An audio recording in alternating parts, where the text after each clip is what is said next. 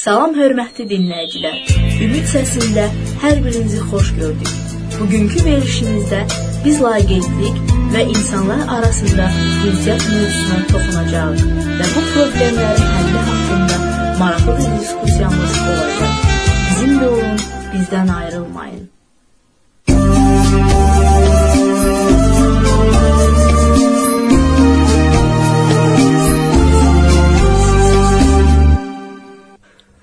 Bugünkü söhbətimiz laqeydlik ə, haqqında olacaq. Ə, mən istəyərdim bu mövzuda biz araşdıraq bir balaca diskussiya eləyək. Bax bu laqeydlik nədir? Laqeydlik e, o elə bir vəziyyətdir ki, insan kiçik olsa da heç bir maraq göstərmir ətrafdakı hadisələrə, baş verən e, vəziyyətə. E, eləcə də laqeydlik başqa sözlə odur ki, beganə qalmaq, e, maraq göstərməmək, ondan sonra insanların çətinliklərində iştirak etməmək, reaksiya verməmək. Yəni budur, bir tərəf durub, bir tərəfdə qalmaq. Yahya qardaş, bir müqəddəs kitabdan agah olan insan kimi, bir ruhlu insan kimi biz sizdən soruşmaq istəyərdik. Müqəddəs kitabda laqeydlik haqqında, ə, laqeydliyə necə baxır? Bir iki nümunə çəkə bilərdiniz bizə bu haqqda? Bəli. Bilirsiniz, İsa peyğəmbər əleyhissalam bu yerdə olanda ə, o öyrədirdi insanları və insanlar ona sual verirdi. o deyirdi insanlara daha doğrusu ki, bir-birinizi sevin. Özünüzü kimi başqalarını da sevin, öz yaxınlarınızı da sevin. Orada da insanların arasında düşmançılıq var idi və lap da e, İsa peyğəmbər deyirdi ki, düşmanını da sev. Və insanlar deyirdi ki, bu necə ola bilər? Orada o vaxtı e, Samariyalılar yaşayırdı İsrail torpağında Onlar elə bil ki, bu e, bütpərəst xalqlardan gəlib yahudiliyi qəbul eləyənlər, amma yahudilər onlara yaxşı baxmırdılar, pis baxırdılar. Onları düşmanları kimi qəbul eləyirdilər. Və İsa peyğəmbər bu e, kontekstdə onlara belə bir misal çəkdi. O dedi ki, bir zaman bir nəfər Yerusalimdən Yerixon şəhərinə gedirdi. E, yəni o dövrdə. Və onun qabağına quldurlar çıxır. Onun ə, e, əlindən pulunu götürürlər, onun paltarını çıxardırlar, onu da özünü döyüb yaralayırlar və elə ora qoy qoyurlar ki, orada ölsün. və ə, e, bundan sonra bir dini rəhbər, İsrailin dini rəhbəri o yolla gedir, məbədə gedir ibadətə tələsir və bu yaralı adamı görəndə o onu onun ona yaxınlaşmır. Keçir yolun o tayına və gedir. Ondan sonra onun müavini gedir və yenə bu yaralı adamı görür, amma heç nə eləmir. O da keçir yolun o tərəfinə və keçir gedir. Və bundan sonra bir Samariyalı e, adam oradan keçir. E, bu e, Yahudilərin deyək belə də yahudilər bunları düşman kimi qəbul edirmişlər bu Samariyalılar. Amma bu Samariyalı gəlib görür ki, orada bir İsrailli yaralı uzanıb yerdə yatır, e, ölü halında. O dayanır, e, düşür, onu geyindirir, yaralarını e, necə deyim, yağlayır e, və qaldırır öz eşəyinə qoyur bu yaralı adamını, aparır onu xəstəxanaya. Xəstəxanada da pul verir və deyir ki, bunu müalicə eləyin, baxın və mən gedirəm yoluma. Qaydanda nə lazımsa yenə də sizə ödəyərəm. Və bu misalı çəkəndən sonra İsa peyğəmbər deyir ki, bu yaralı adam üçün bu keçənlərdən, onun yanından keçənlərdən hansı onun üçün yaxın idi? Və dinləyicilər də dedilər ki, ona kömək eləyən. Və bununla da o demək ondan sonra dedi insanlara ki, yəni siz də Gedin və e, insanlara beganə, laqeyd qalmayın. Ehtiyacda ehtiyacı olan insanlarda baxmayaraq o sizin e, dostunuzdur ya düşmanınızdır. Əgər o bir çətinliyə düşübsə, sizin borcunuzdur ki, ona kömək eləyəsiniz və onun yaxını olasınız. Çünki onun ehtiyacı var sizdə. Bax belə bir misal. Yəni Allah demişdir ki, yəni e, ehtiyacı olan insanların yanından keçməyin. Laqeyd olmayın. Bəs Allah laqeydliyə necə münasibət göstərir?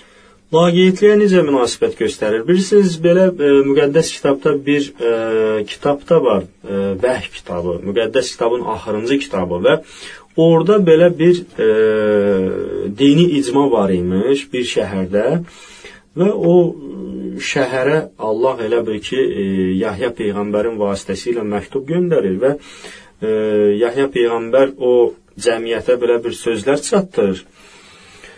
Deyir ki, yəni sən e, Allahın cəmiyyətinə müraciət edir. Deyir ki, sən nə istisən, nə də soyuqsan. Sən ilıqsan.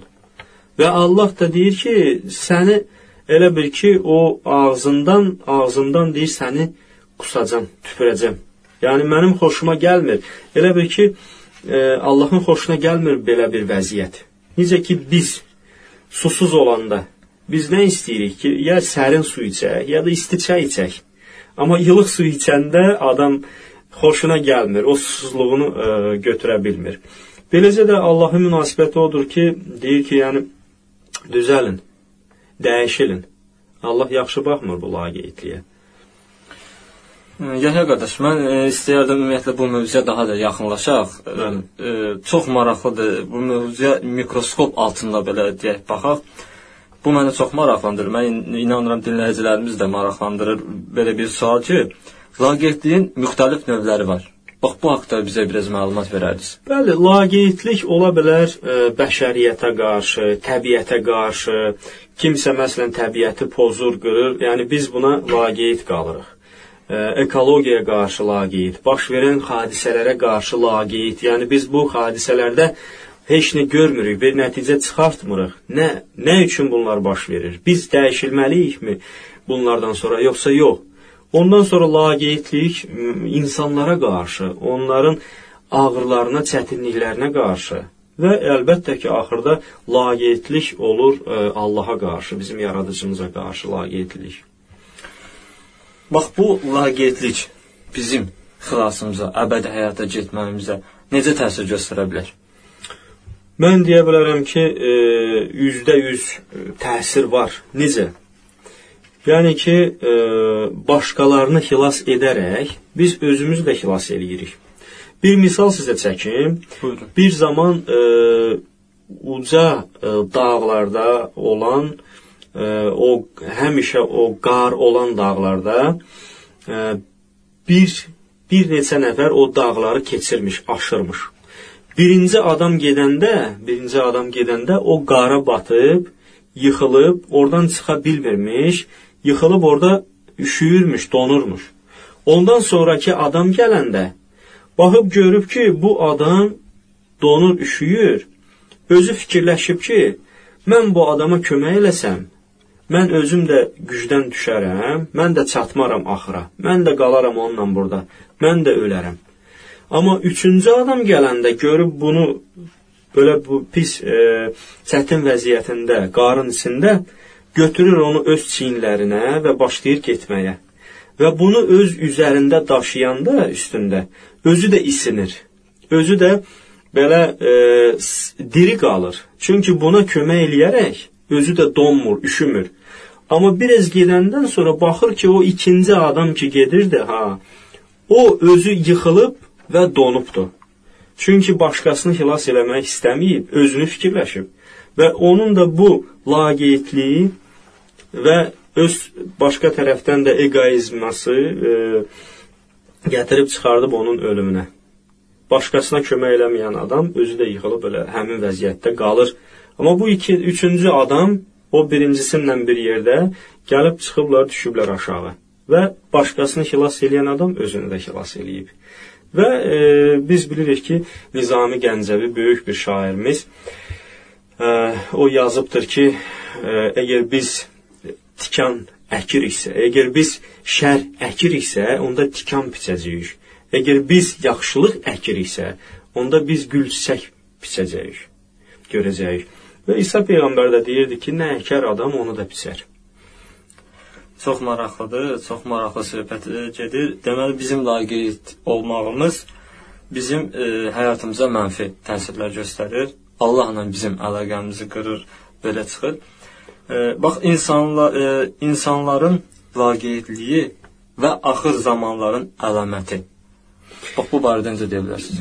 Bilirsiniz, yəni ki, doğrudan da e, Nuh peyğəmbərin vaxtında belə bir misal, e, belə bir vəziyyət yaranıbdır da. O ümumi dünya e, daşqınlığı olmamışdan əvvəl Allah göndərib Nuh peyğəmbərə belə bir xəbər, belə bir e, vəh ki, sən bütün insanlara xəbərdarlıq ver ki, 120 ildən sonra e, dünyaya sel gələcək, insanlar məhv olacaq. Sən bir gəmi tik və bütün insanları da ondan sonra çağır ki, o gəmiyə girsinlər.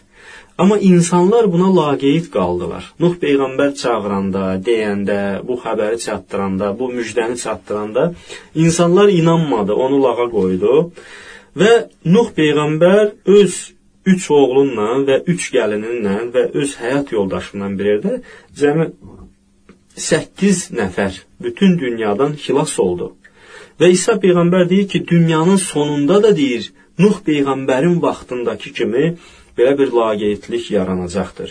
İnsanlar özləri üçün yaşayacaq, əkəcək, biçəcək, evlər tikəcək, evlənəcək, amma fikirləşməyəcəklər o axır vaxtın əlamətləri üçün haqqında.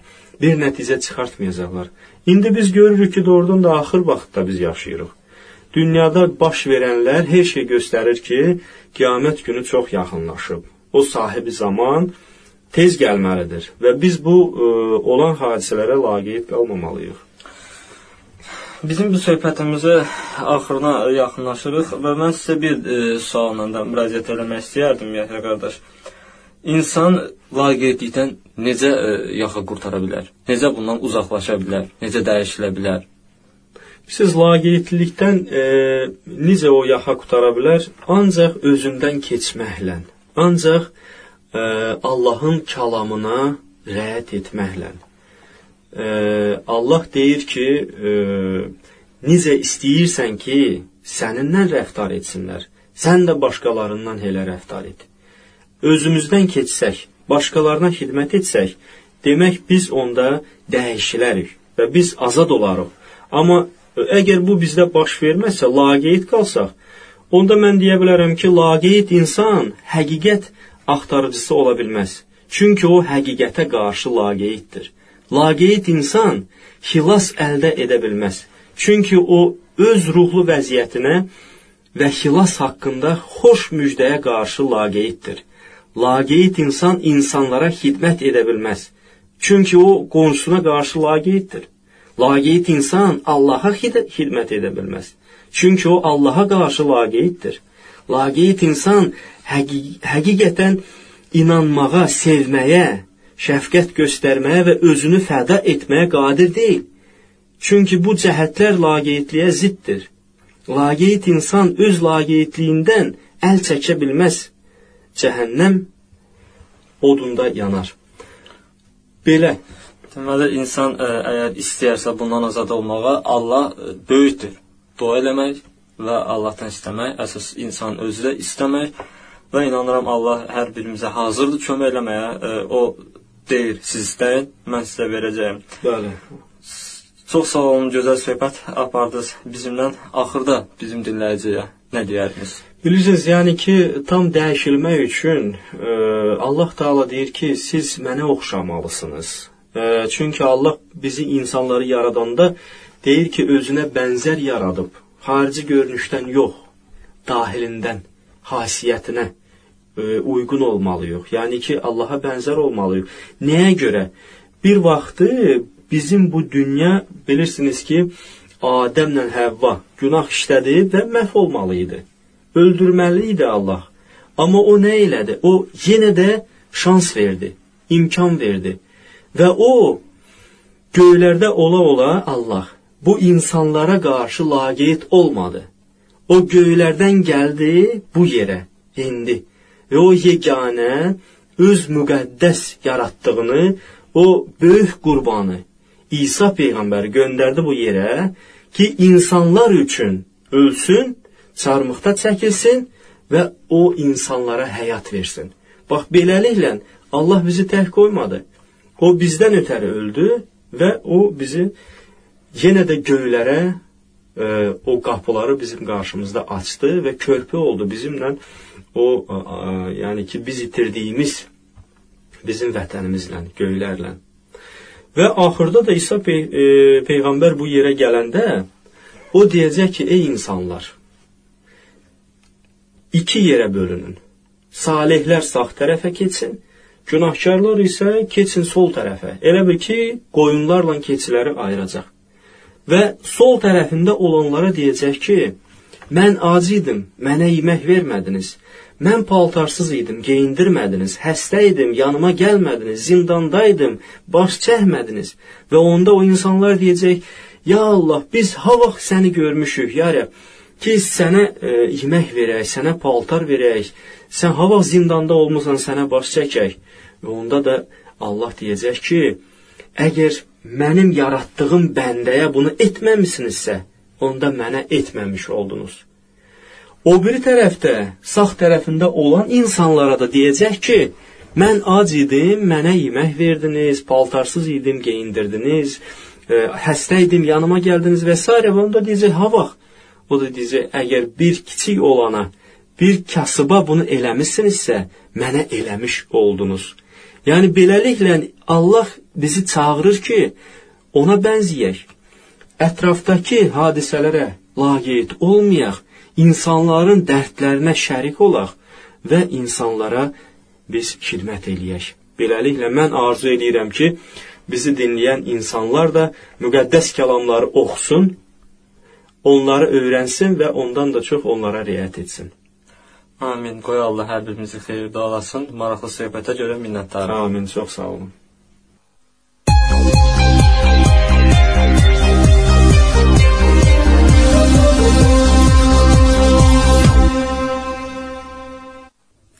Bu gün həyatımızda baş verən hadisələrin çoxu müqəddəs kitabda yazılanlarla üst-üstə düşür. Bəs necə edək? İnanaqmı bunlara?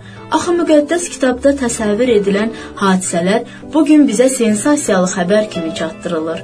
Dünya sona doğru gedir və biz müasir dünyada baş verən hadisələrdən xəbərdar olmaq istəyirik ki, böyük dəyişikliklərə hazır olaq və Allah vədlərini necə yerinə yetirdiyini görək. Rəbb Allah demişdi ki, zamanı izləyin, ayıq durun və dua edin. Biz müxtəlif mənbələrdən sizin üçün maraqlı ola biləcək aktual xəbərləri toplayırıq. Yazıda deyilir ki, axır zamanda insanlar göydə müxtəlif hadisələrin şahidi olacaqlar və bu hadisələrdən biri yerə düşən böyük odlu kürələrdir. 7 aprel 2002-ci il tarixində Avstraliya və Almaniya səmasında odlu kürələrin göründü. Belə hesab edirlər ki, bu kosmik tullantılardır. 5 yanvar 2004-cü il tarixində İspaniya ərazisinə Houston ağırlığında meteorit düşdü. İnsanlar gecə qaranlığında səmada ollu kürələrin yaranmasını və yüksək səslə, daha sonra isə güclü partlayışla müşahidə olunmasını seyr etmişdilər. 15 iyun 2004-cü il tarixində Misir sakinlərinin evlərinə göydən odlu kürələr düşdü və 100 tikili yandı. Yanğının səbəbi meteorit yağışı ola bilərdi. 22 sentyabr 2005-ci il tarixində Florida sakinləri göy üzündə nəhəng kürəvi şimşək, ollu kürə müşahidə etmişdilər. Belə hesab edilir ki, bu kosmik tullantı sahilyanı gözətçilər tərəfindən zərərsizləşdirilmişdir. Bütün bunlar ondan xəbər verir ki, biz axır zamanda yaşayırıq və indi hansı yolu tutduğumuz haqqında düşünməyimizin əsl vaxtıdır. Bununla da verilişimiz sona çatdı. Bu vaxtda bizimlə olduğunuza görə sizə minnətdarım. Bizim ünvanımız Ümid səsi @şarəsi hotmail.com Bir daha təkrar edirəm. Ümid səsi @şarəsi hotmail.com Gələn görüşlərə dək sağ olun, Allahla qalın.